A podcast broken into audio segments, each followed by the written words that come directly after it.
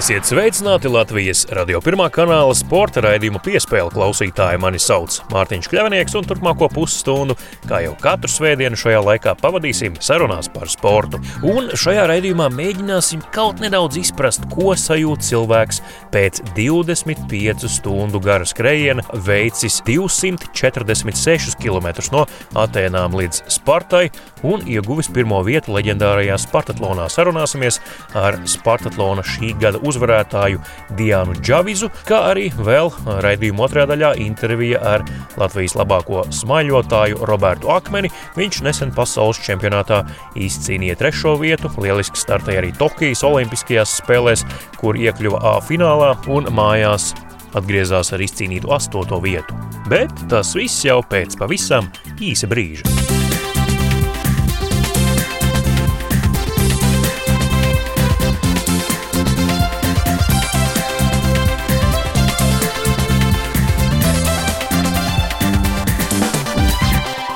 Pašmāju skrējēja Diana Džaviza pagājušajā nedēļā uzvarēja 246 km garajā ultramaratonā no Atēnām līdz Spartai, jeb tā dēvētajā leģendārajā Spartatlonā. Sportiste, kura ikdienā dzīvo Austrijā, taču šajā skrējienā pārstāvēja Latviju, distance veica nedaudz vairāk nekā 25 stundās. Vīriešiem piekto vietu izcīnīja Matīs Vecvagaris, kurš sasniedza Latvijas rekordu šajā distancē.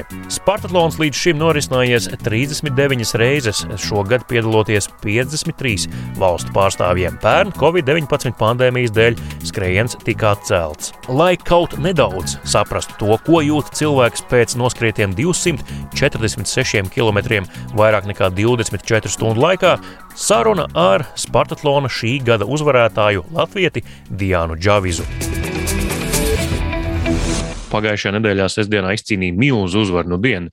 246 km garajā Spartatlonā Diana Džavize finišēja pirmajā vietā, un viņa ir pirmā, kura ir to izdarījusi no Latvijas, un turklāt vēl sieviešu konkurencē. Kā tad viņai tas izdevās? Par to arī parunāsim ar Diānu Džavizu jau raidījuma turpinājumā. Sveiki, Diana! Jā, 246 km nav joka lieta. Uzreiz pēc finiša sacījāt, ko arī Latvijas radio pēc tam atskaņojām ar Matīs Vecogaru palīdzību, kurš starp citu izcīnīja piekto vietu un arī sasniedz Latvijas rekordu. Teicāt viņam, ka šis ir jū, visu laiku jūsu emocionālākais skrējiens un visticamāk tāds arī paliks. Tagad, kad pagājuši dažas dienas pēc finiša, emocijas ir drusku norimušās? Nē, es vakarā ielidoju mājās un tā kā pirmo nakti gulēju beidzot atkal savā gultā, es naktī sapņoju, ka es uzvarēju Spartakonu. tā kā emocijas nav norimušās, viņas ir vēl neaptvērtas. Taucā. Tā visas tā kā kopā un uh, mēģina nosēsties. Es vēl neesmu sapratusi un nav norimušās. Un, ne, vēl, vēl ne. Kā ķermenis jūtās pēc 246 km? Es šodien jūtos ļoti nogurusi. Man liekas, ka es šodien jūtos tieši visnogurusīgāk no visām dienām. Citā ziņā, no muskuļu sapēšanas ziņā, man īstenībā iet uh, nedaudz labāk, bet daudz, daudz, daudz labāk nekā es biju domājis, vai arī kā man ir gājis pēc citiem skrējieniem. Visgrūtākais ir apsēsties. Iet es varu normāli, uh, mazliet apakšstilbis uh, sāp un uh, kājām pablums tā kā nogājis ir. Man īstenībā kājām papuma nebija, bet tad, protams, bija jāsim, bija jādzer šampānietis un vīns, un tad kājas atkal uzpām. Un, bet kā, nu, tagad arī izskatās labi. Jā, nu, Latvijas radio sporta raidījumā piespēle par Spartatlonu runāts daudz. Esam gan ar Matīs Vecogāru iepriekšējos gadus runājuši ar Sigitu Vāci gal galā, kad viņu finišēja Spartathlonā. Tāpat arī esam bijuši Latvijas sporta muzejā uz dažādām Spartatloniešu tikšanās reizēm, kur viņi dalās savas pieredzes stāstos. Arī pat veterāni, kuri skrējuši ļoti daudzus gadus. Jūs, Diana, veicāt šo mežonīgo distanci 25 stundās, 24 minūtēs un 25 sekundēs. Šie skaitļi jums dzīvē ir tādi zīmīgi līdz šim bijuši bijuši 24 un 25 vai tikai šajā rezultātā? Man viņi nav bijuši zīmīgi, bet es esmu ievērojis arī nu, pēc treniņiem, kad, vai arī, kad es skatos pulksteni tieši tagad arī 12, 12, kad man visu laiku līdzīgi skaitļi ir blakus. Tā, sauktie, tā sauktie spoguļu skaitļi, ja? Jā, kad pēdējās nedēļas man tiešām tā ir bijis, tāpēc es arī tagad, kad es ieraudzīju rezultātu, es Labi. Nu, vajadzēja vēl minūti pavadīt trasē, tad būtu 25, 25, 25. Nu, viens nepateica. Grūti nojaust tiem, kuri nav skrējuši garāku distanci par kilometriem 10 vai 15, kas ir maratons. Droši vien, ka maratona skrējējiem arī diezgan grūti nojaust, kas ir Spartatlons, kas ir vēl daudz, daudz garāka distance, 246 km. Diana, kādas ir jūsu attiecības ar skriešanu? Um, kā jūs pievērsāties tik garām distancēm, un uh, vai tas jau sen notika? Tik ļoti sen nenotika. Tad, kad es uh, sāku skriet, kad es atbraucu uz Austriju pirms astoņiem gadiem, es sāku skriet uz laiku, pamazām es nekad neskatījos tā kilometros, un tad es pierakstījos pirmajam um, pusmaratonam. Un es atceros, ka pusmaratona ietvaros bija arī 28 km distance. Un tur man bija daži skrējēji draugi, un, kur to skrēja. Un, un man likās, ārprāts, ārprāts, kā jūs varat tik daudz noskriet. Es stāvēju ar lielām acīm. Es arī nu, nesapratu toreiz, kā tas ir iespējams. Mans pirmais maratons vispār ir pirms, tieši pirms pieciem gadiem. Pēc uh, pirmā maratona es uh, teicu, nē, nekad vairāk. Uh, bet um, kaut kā uh, es tomēr atkal vilku tās skriešanas pats kājās, un uh, vienmēr ilgāk un ilgāk. Un tad es sapratu, ka es varu skriet vēl tālāk un vēl tālāk, un man vienmēr bija tā ziņa, cik tālu es varu aizskriet. Tā bija pret distanci, man nav pazudusi. Kāds ir jūsu fons? Bērnībā trenējāties viegli atletikā, vai tas tiešām ar tiem 28 km arī tā sākās? Bērnībā es spēlēju basketbolu. Sācis uh, vidusskolā, un tad es pēc 8. klases aizgāju uz 47. vidusskolu Rīgā, kur meitenes trenējās basketbolā. Basketbola bija mans sirds spēle. Basketbolu pēc 9. klases tā arī atstāja sev aiz muguras, un tad, kad es pārgāju uz Agniskā valsts gimnāzijas, spēlēju tā ar puišiem prieka pēc. Jo es neticēju saviem spēkiem. Man nebija kas man pateica, Diana, tu dari visu labu, tu esi labi spēlētāji. Man likās, ka es ne, neprotu spēlēt, un es neticēju saviem spēkiem, un tad es aizgāju prom. Bet nu, tā basketbols ir palicis tiešām uh, sirdī. Tā bija mana sirds spēle.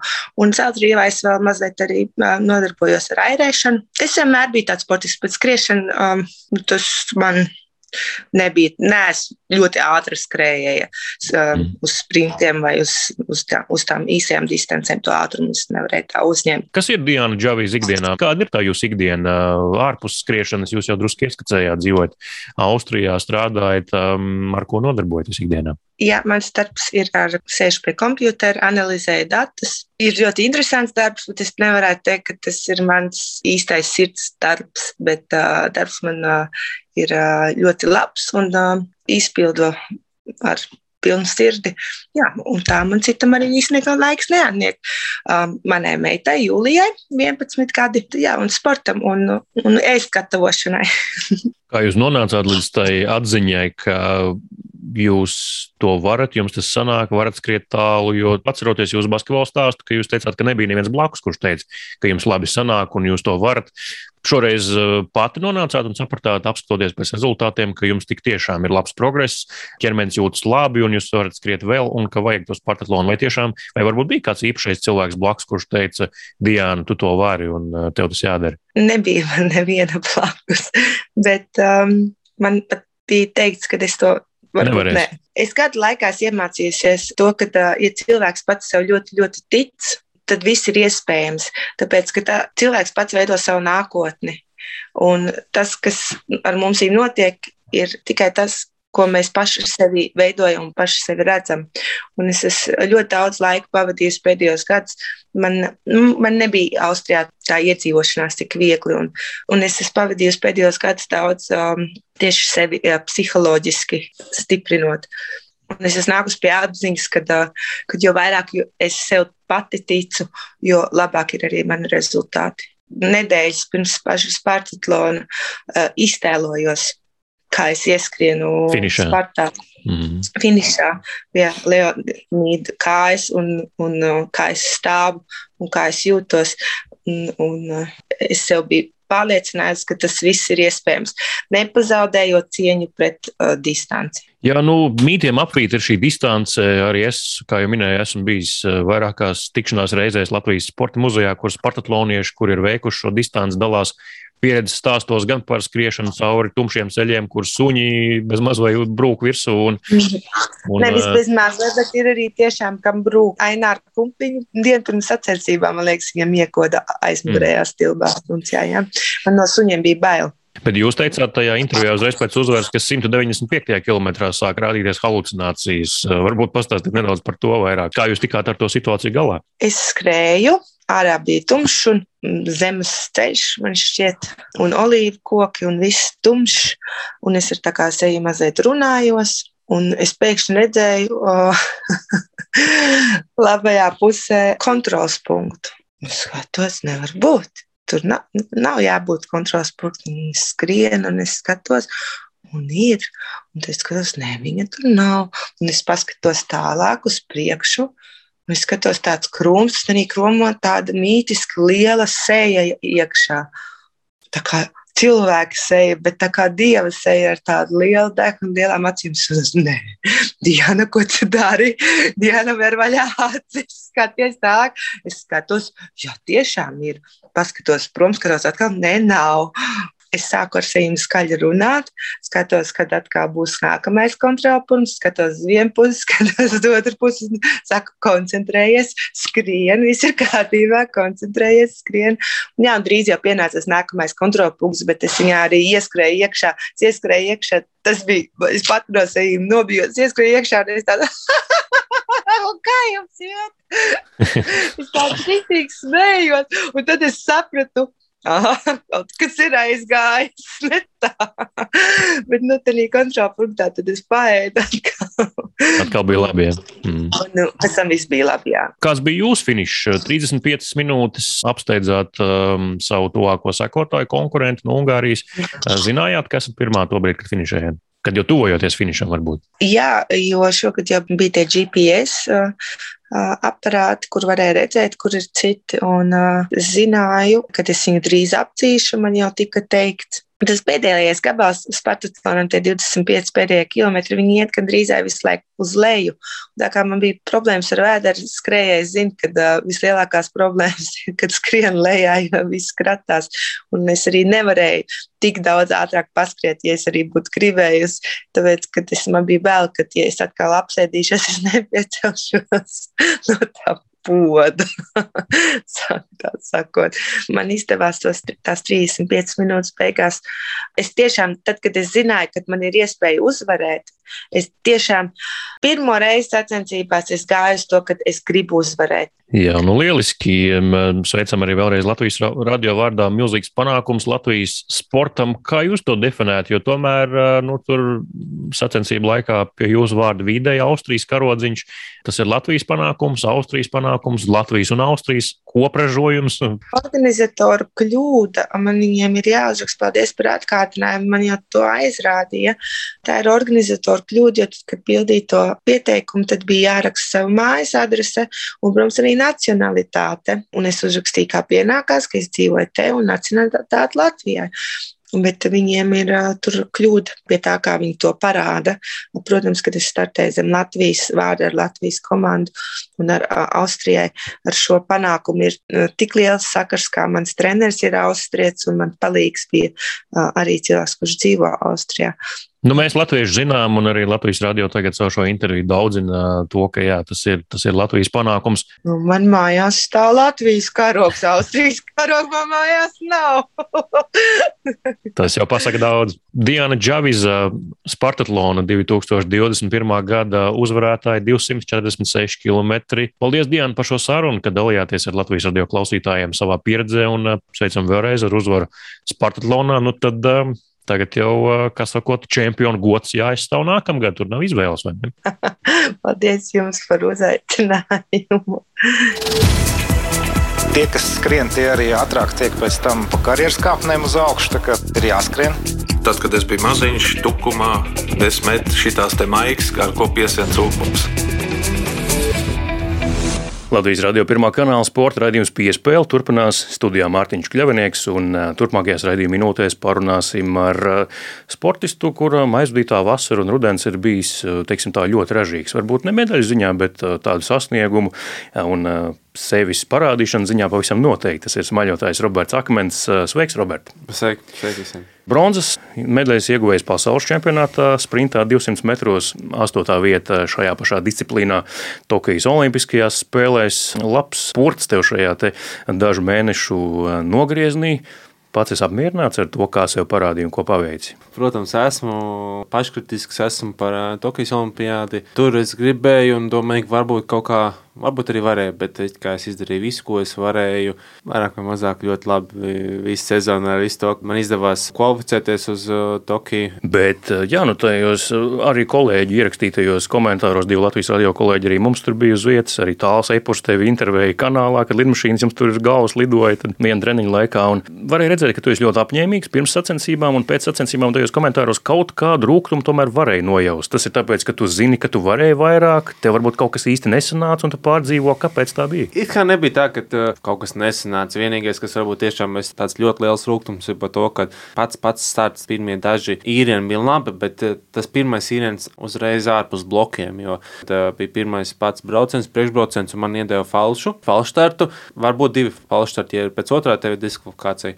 Un es otru uzreiz jau tam manāmi saudzīgāk ņēmu ar piesardzību. piesardzību. Tas likās, ka nu, nekas tas nebūs, bet pēc tam uz katru braucienu man tāda kaut kāda aiztura bija. Jo es negribēju Olimpijādē palikt ar, bez rezultātu. Mm. Un tas varbūt, bet to, tur uz vietas es to sākumā nesapratu, bet pēc tam jau nedaudz es tā kā to analizēju un sapratu to, ka tas varēja būt viens no variantiem, kāpēc man varbūt es biju tik ļoti paškritisks par savu rezultātu. Mm. Bet tā, protams, asotā vieta Olimpijā, tas ir, man tas ir milzīgs sasniegums. Tu esi tāds, nu, teiksim, tā Latvijas, Latvijas ir tāds vārds urķis. Tu urķējies sevi, domā pēc tam, ko tu izdarīji pareizi, ko nepareizi, šausti sevi vai, vai noliec to lādītāju pagātnē un vairs nevar vaļā. Uh, nē, no, no, no katram sacensībām jau kaut kādu labo vai slikto paņem. Tev ir uh, astotā vieta olimpiādē, milzīgs, tas ir ļoti augsts sasniegums, bet tāpatās man ir jāsaprot, kas man ir jāizdara labāk, lai nākamreiz es būtu pāris vietas augstāk. Man tas mērķis ir vispār manā sportiskā karjerā, protams, Olimpiskās spēles, bet es gribu varbūt kādu dienu, varbūt kaut ko savu pakaļ kaklā. Mm -hmm. Un tāpēc man no tā viss ir jāpieņem. Tās labākās emocijas ļoti daudz ir un kaut ko arī būt paškritiskam par to, kas un kā, un lai tālāk tādas kļūdas es vairs nepieļautu. Es biju arī sagaidīšanā lidostā, kad tu atlidoji no Tokijas. Kas tev tur tā bija tava ģimene, kur to airi bija atveduši līdzi? À, tur, jā, man bija ģimene, mani treniņu biedri, draugi, visi mēs esam kopā gājuši, visam man atbalstītāji, tā kā tuvinieki ir. Man tas ir ļoti svarīgi, un man ir ļoti liels prieks, ka man viņi ir un kad ir, ir tas atbalsts, un tas ir vēl vairāk dod tā, tādu motivācijas lādiņu tikai iet uz priekšu un sasniegt, un to, ka es zinu, ka ir cilvēki, kas jūt līdzi, skatās. Tā kā ļoti, ļoti patīk. Ta, tas vispār bija viens, ta, tas vairāk drīzāk kā foto vairs jau bija tikai. Bet, uh, patīkami. Es, es jau godīgi negaidīju. Es domāju, ka būs vecāki noteikti atbraukuši draugi. Bet mm. to, ka džeki būs atbraukuši, to es nezināju. Tas bija milz, nu, milzīgs, patīkams pārsteigums. Uzreiz tad nākamais emociju vilnis. Tu drusciņi aprobē to, ko tu Tokijā izdarīji, un jau uzreiz jāsteidz uz pasaules čempionātu. Mērķis tur arī bija medālis. Tur bija tā, ka vispār pēc olimpiādas atbraucot bija nākamā nedēļā bija Latvijas čempionāts vienīgā nostartēja labi, bet mērķis bija kvalificēties pasaules čempionātā divniekā 500 metrus, tā kā ar, varbūt ar skatu jau uz Parīzi. Parīzi. Tas mums neizdevās, jo pats es uz to brīdi varbūt tieši uz 500 metriem nebiju, jo es visu laiku biju gatavojies tikai uz 200 metriem. Pēc uh, Latvijas čempionātu izcīnīja tiesības startēt pasaules čempionātā vienniekā, un ar treneru runājām, ka jā, nu, gatavosimies, varbūt negatavosimies tik nenormāli tā kā uz olimpiādi, bet mēģināsim noturēt tikai to formu, kas man ir. Un aizbrauksim uz pasaules čempionātu. Jo, jo mērķis bija noturēties pasaules kausa rangā trīniekā, jo tad te, uz to brīdi es biju trešais, un tagad uh, jau uh, pasaulē esmu otrais pēc ranga. Jā, nu uz, uz pasaules čempionātu braucot, varbūt tās. Uh, tā medaļa nebija. Par to es laikam nedomāju. Zināju to, ka nu, es varu pacīnīties, un arī tāpat kā Tokijā cīnīties es varēju. Tu jau citās intervijās esi izteicies un nodēvējis šo medaļu par savu līdzinājās karjeras lielāko panākumu. Emociju vilnis arī vēlās balvošanas ceremonijā ārā no tevis, vai tu tikai pēc tam mēģināji saprast, kas tas ir un ko tas nozīmē, cik svarīgi tas ir. Ja būtu zelta, tad varbūt būtu vairāk tas emocijas, bet um, tās emocijas vairāk bija tādas atvieglo. Visu šo sportisku karjeru es esmu smagi strādājis uz to, un to, ka beidzot tas smagais darbs ir nesis kaut kāds augurs, to, kad man ir medaļa pasaules čempionātā laime, laime vienkārši laime. Mm. Jo sākumā, kad, tad, kad es finišēju, es īstenībā nevarēju saprast, vai tur ir vai, vai es neesmu. Bet tad, kad uh, es redzēju, ka manu numuriņu sauc uz uh, laivu svēršanu, piebraucu un es skatos uz tabulu, un tur īstenībā nevaru saprast. Un tur nevar, nu, es vienkārši no tā leņķa nevaru redzēt, kurš es esmu. Tad es tur kaut kādiem mm. cilvēkiem, kas tās prasīja, nu, kas ir trešais, kas ir trešais. Jo pirmie divi es zināju, kas bija, a, kas ir trešais. Un tad pateicu, ka tu esi, tu esi. Jā, es īsies uz uz uh, plosta apgulos, rokas augšā vienkārši mm. atvieglojums. Pilnīgs atvieglojums. Tādā laikā tas, nu, ja ne atvieglojums, tad tāds, nu, tu esi ielicis labus pamatus tai nākamajai trīsgadēji, nu jau līdz Parīzai. Tas nozīmē Olimpiskā vienība A sastāvs, ja es nekļūdos. Vajadzētu būt. Vajadzētu tā būt. Jā. Vajadzētu tā būt, jā. Tā, tom, tas tomēr ir tāds drošības spilvens, ka tu tomēr vari koncentrēties tikai savai lietai. Tev nav jādomā, kur tu tur sporta skolā patrenēs bērnus, nopelnīs naudu, varbūt, lai uz sacensībām nu, aizbrauktu.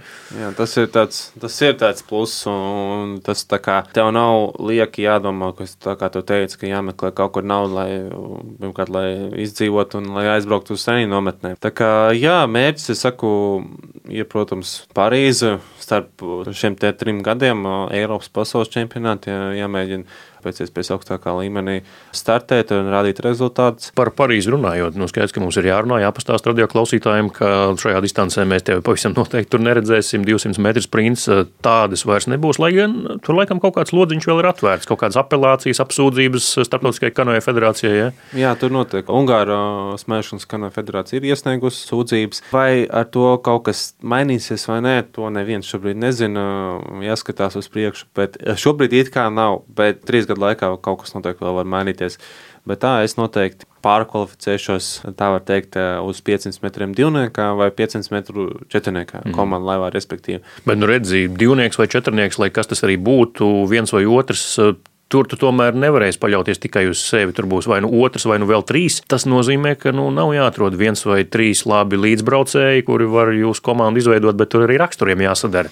Droši vien tas arī būs tā smalka līnija, lai atrastu to īsto sev blakus vai tos īstos trīs sev blakus. Nu jā, nu, Mums Latvijā tos trīs vai četrus cilvēkus ir diezgan maz. Viņi apmēram tik daudz arī ir. Tādā līmenī, lai brauktu, varbūt ir pieci vai seši sportisti. Uh, un viņiem uh, ir trīs noteikti, kas šobrīd arī pasaules čempionātā bija trīs noteikti, un ir vēl divi vai trīs, kas vēl varētu pieraut līdz tai Parīzai. Ar tiem raksturiem mums būs jāiztiek tādiem, kādiem, kādiem ir. Jo, Mums jāstrādā ar to, kas ir. Jā, jā un, bet mm -hmm. galvenais, manuprāt, ir tas, lai visiem būtu viens mērķis. Ja visiem ir viens mērķis, tad jau savs ambīcijas, savus lielos ego visu var apspiest, un tad uz to mērķi arī viss kopīgi ies neteiksim to, ka man nepatīk komandā strādāt, man patīk komandā strādāt. Un, un es domāju, ka es arī ļoti labi varu sastrādāt komandā. Šobrīd eh, mans, mans mērķis ir, protams, meklēt komandu, ar ko strādāt divniekā vai četrniekā, bet te pašā laikā ļoti strādāt pie tā, lai es pats būtu fiziski gatavs uz 500 metriem. Roberts, es jau te pirms sarunas sākuma te teicu, ka mēs druskuļi atcerēsimies arī to, ko tu teici Latvijas radio sporta raidījumā piespēle pirms nu, jau vairāk nekā diviem gadiem, kad tu ieguvi zelta pasaules čempionātā sportistiem līdz 23 gadu vecumam, tās augtajā U23. Mm, tu sacīji toreiz, ka bērnībā tev vispār palikt smaļošanā nu, ļāva vai noteica to, ka tu iegūsi pirmo medaļu tādos sēdes mačos, un tad tu saprati, ka tur ir ko rakt un, un kur, kur vēl būt. Līdzīga motivācija arī pieaugušā kārtā tev kalpo. Tagad arī redz medaļu pasaules čempionātā, nu tad vajag tālāk un vēl tālāk. Man tā apetīte, tā var teikt. Tas izsaukums pēc labākiem rezultātiem, vēl pēc medaļām, būtu augšā. Ir tā motivācija ir un es gribu. Un, un, man nav tā sajūta, ka es esmu sasniedzis visu to, ko es uh, vēlos. Jā, es tiku uz Olimpiskajām spēlēm, nostartēju ļoti labi pasaules čempionātā medaļu, bet nu, man nav tāds sajūta, ka tas ir viss, ko es esmu vēlējies. Tā ir daļa, kaut kāda daļa, ko es gribu sasniegt, bet tas nav viss, ko vēl es gribu sasniegt. Tā kā, tas ir ļoti labi, un to, ka tā šī medaļa Un Olimpijā tas vēl vairāk man motivē. Pat. Tu jau minēji ģimenes atbalstu, skaidrs, tā nu, iecerētā draudzene, sauksim viņu tā. jā, tā sieviete, jā. jā, jā. Tajā intervijā pirms diviem gadiem tu arī teici, ka viņi tev kaut kā ir, nu, varbūt veidojusi to, kā tu atbild uz jautājumiem, varbūt kaut ko pamācījusi. Šogad gaitā tu droši vien pa diviem gadiem arī intervijās dažādās esi iemācījies, kā labāk runāt un ar mēdījiem sarunāties, kā, kā ir. Jā, es, es mēģinu. es mēģinu, protams, ja visu laiku var sevi pilnveidot un būt labāk gan atbildēt uz jautājumiem, gan runāt. Un, Un tas ir ļoti svarīgi, to, ko tu pasaki, jo savā ziņā to, ko tu pasaki, to arī pats sev tu saki. Tāpēc arī es, gatavoties Olimpijādai, visu laiku gan skaļi to teicu, to, ka es esmu gatavs cīnīties, cīnīties par uzvaru. Un Logijas Olimpiskās spēles nav izņēmums un tā mm -hmm. tālāk. Bet tā, tas ir tā pašā laikā, es sev to mēģinu iestāstīt, to, ka es esmu gatavs cīnīties. Un, uh, to man uh, viņa ir ļoti palīdzējusi. Viņa pat nu, psiholoģiju studējusi, un tas ir man, es saku, man mājās pašam savs psihologs, un vispār to pārnājam, un viņi man nu, ļoti palīdz. Tev ir negodīgs priekšrocības pret konkurentiem. nē, nē, nē, tā jau, tā jau viņi izvēlas, ko viņi izvēlās. Kāda sieviete savā blakā viņa izvēlās. Mm. Ir kādreiz bijis tā, nu, ka viņi tev devusi par ausīm, Robert, ko tu tā intervijā pateici? Nu, pilnīgs muļķības, tā gan nevajag darīt. tā, ir, tā ir katru reizi, kad drīz. Mm. to gan, gan drīz, nē, ne, ir labās. Piemēram, tad, kad bija mm, pagājušā nedēļa sporta studijā, mēs runājām. Mm -hmm. Viņa bija pierakstījusi telefonā notos. Uh, visas, par ko man ar pirkstu varēja pabārt. Es saprotu, ko tu labās lietas pierakstīji. Tās aizmirsu. Jā, bet kā labo mēģinu labot nedaudz. Mm -hmm. nu, cerams, ka šajā intervijā būs mazāk to slikto lietu un uh, ka būs daudz labo, ko izcelt. Es, es arī, jā. Bet tu jau arī droši vien apzinājies, ka nu, tā kā tu neesi uz tādas milzīgas skatuves, uh, nu, sporta veids, kuru vēro miljoni pasaulē, tad uh, nu, tev arī katra šāda intervija tomēr ir tava publicitāte, kaut kādu reklāmas līgumu varbūt var noslēgt ar atbalstītājiem. Tev arī šodien cepurīt galvā, vai ne? Tas arī laikam ir kaut kāds rezultāts tam visam. Nē, man. Es neesmu pie friziera bijis. Tāpēc. Bet, jā, pareizi tu saki, man tas sporta veids nav tas pats populārs populārākais komerciālā ziņā un tā tālāk. Es mēģinu audzēt sev to publiku, kas man tā kā jūt līdzi un man zina, un tajā pašā laikā es ar piekrītot šīm intervijām, un arī popularizēja mūsu šo smaļošanu, kanu ērēšanu Latvijā. Un, mm. Tas kļūst populārāks un atpazīstamāks. Gribot vai negribot, tas man ir jādara. Un pašam arī patīk pie patīkamiem cilvēkiem atnākt apļāpāt. Un... Nu jā, un kāds izdzird šo interviju un uh, zvanu pēc tam Robertam saka, es gribu savas uh, firmas logo uz tavas laivas. Arī tā var būt. Nekāds problēmas. Man mm. daudz vietas uz laivas. Tālūk, saruna ar smaļotāju Robertu Akmeni šeit Latvijas radio pirmā kanāla sporta raidījumā piespēlē. Roberta, mm, es te vēl gribēju arī drusku par lingvistiku parunāt. Tavs uzvārds Akmenis, nu, kā zināms, tā ir otrā deklinācija, un tur tā, tas lodzījums tāds, tāds interesants, jā. Nu, cik reizes tev ir kāds bijis, droši vien bieži latvieši ir jālabo, kā tā uzvārdu locīt vai nav jālabo? Es nezinu, ir cilvēki, kas loka, ir kas neloka. Pasē man ir rakstīts Roberts Akmenis, man māsai rakstīts ir Akmene. Tā kā, mm -hmm. Varbūt arī Lots, nezinu, varbūt tad pieļaut pasēku kļūdu, es nezinu. Kā cilvēkiem labāk patīk, tad es neapvainojos, ja ir Robertam akmens rakstīts vai mm -hmm. Robertam Akmenim. Kā, mm -hmm. nu. Tagad, kā, kā ir tavs dienas, tagad tu tiešām atpūties, kad sākt treniņu un kad atkal ķeries pie laivas un airiem? Tagad, uh, divas nedēļas pēc pasaules čempionāta, uh, atpūšos, nedaru neko. ļoti dīvaini, nav ko darīt, ja godīgi. Tas bet, sportistam droši vien ir grūti pilnīgi neko nedarīt. Jā, ir grūti. Sāk, sāk sapēt visas malas, visas locītavas jau. Bet uh, nākamā nedēļa jau ar pirmdienu atsāku treniņus. Varbūt ne tādā baigā uzreiz režīmā, bet tāpat tās katru dienu vai katru otro dienu jāsāk un jāsāk jau plānot par nākamo visu gadu, pa visu sezonu. Jāiet tālāk un jānosprauž jaunu mērķu un jāiet uz tiem. Lai izdodas, prieks dzirdēt, ka es apņēmības pilns, nu, kā gan citādi pēc astoņnieku olimpiskajās spēlēs un trešās vietas pasaules čempionātā tur nevajadzētu būt. Degunam zemē nemaz arī nē. Paldies par sagādātajām emocijām, arī to, ko Latvijas radioklausītāji dzirdēja arī pēc tā finiša Tokijā un, un vispārējo, ko šovasar redzējām televīzijas ekrānos tavā izpildījumā. Nu, tad lai veids nākotnē un uz kādu citu sarunu atkal atkal pēc jauniem panākumiem. Lielas paldies jums! Vislabāk!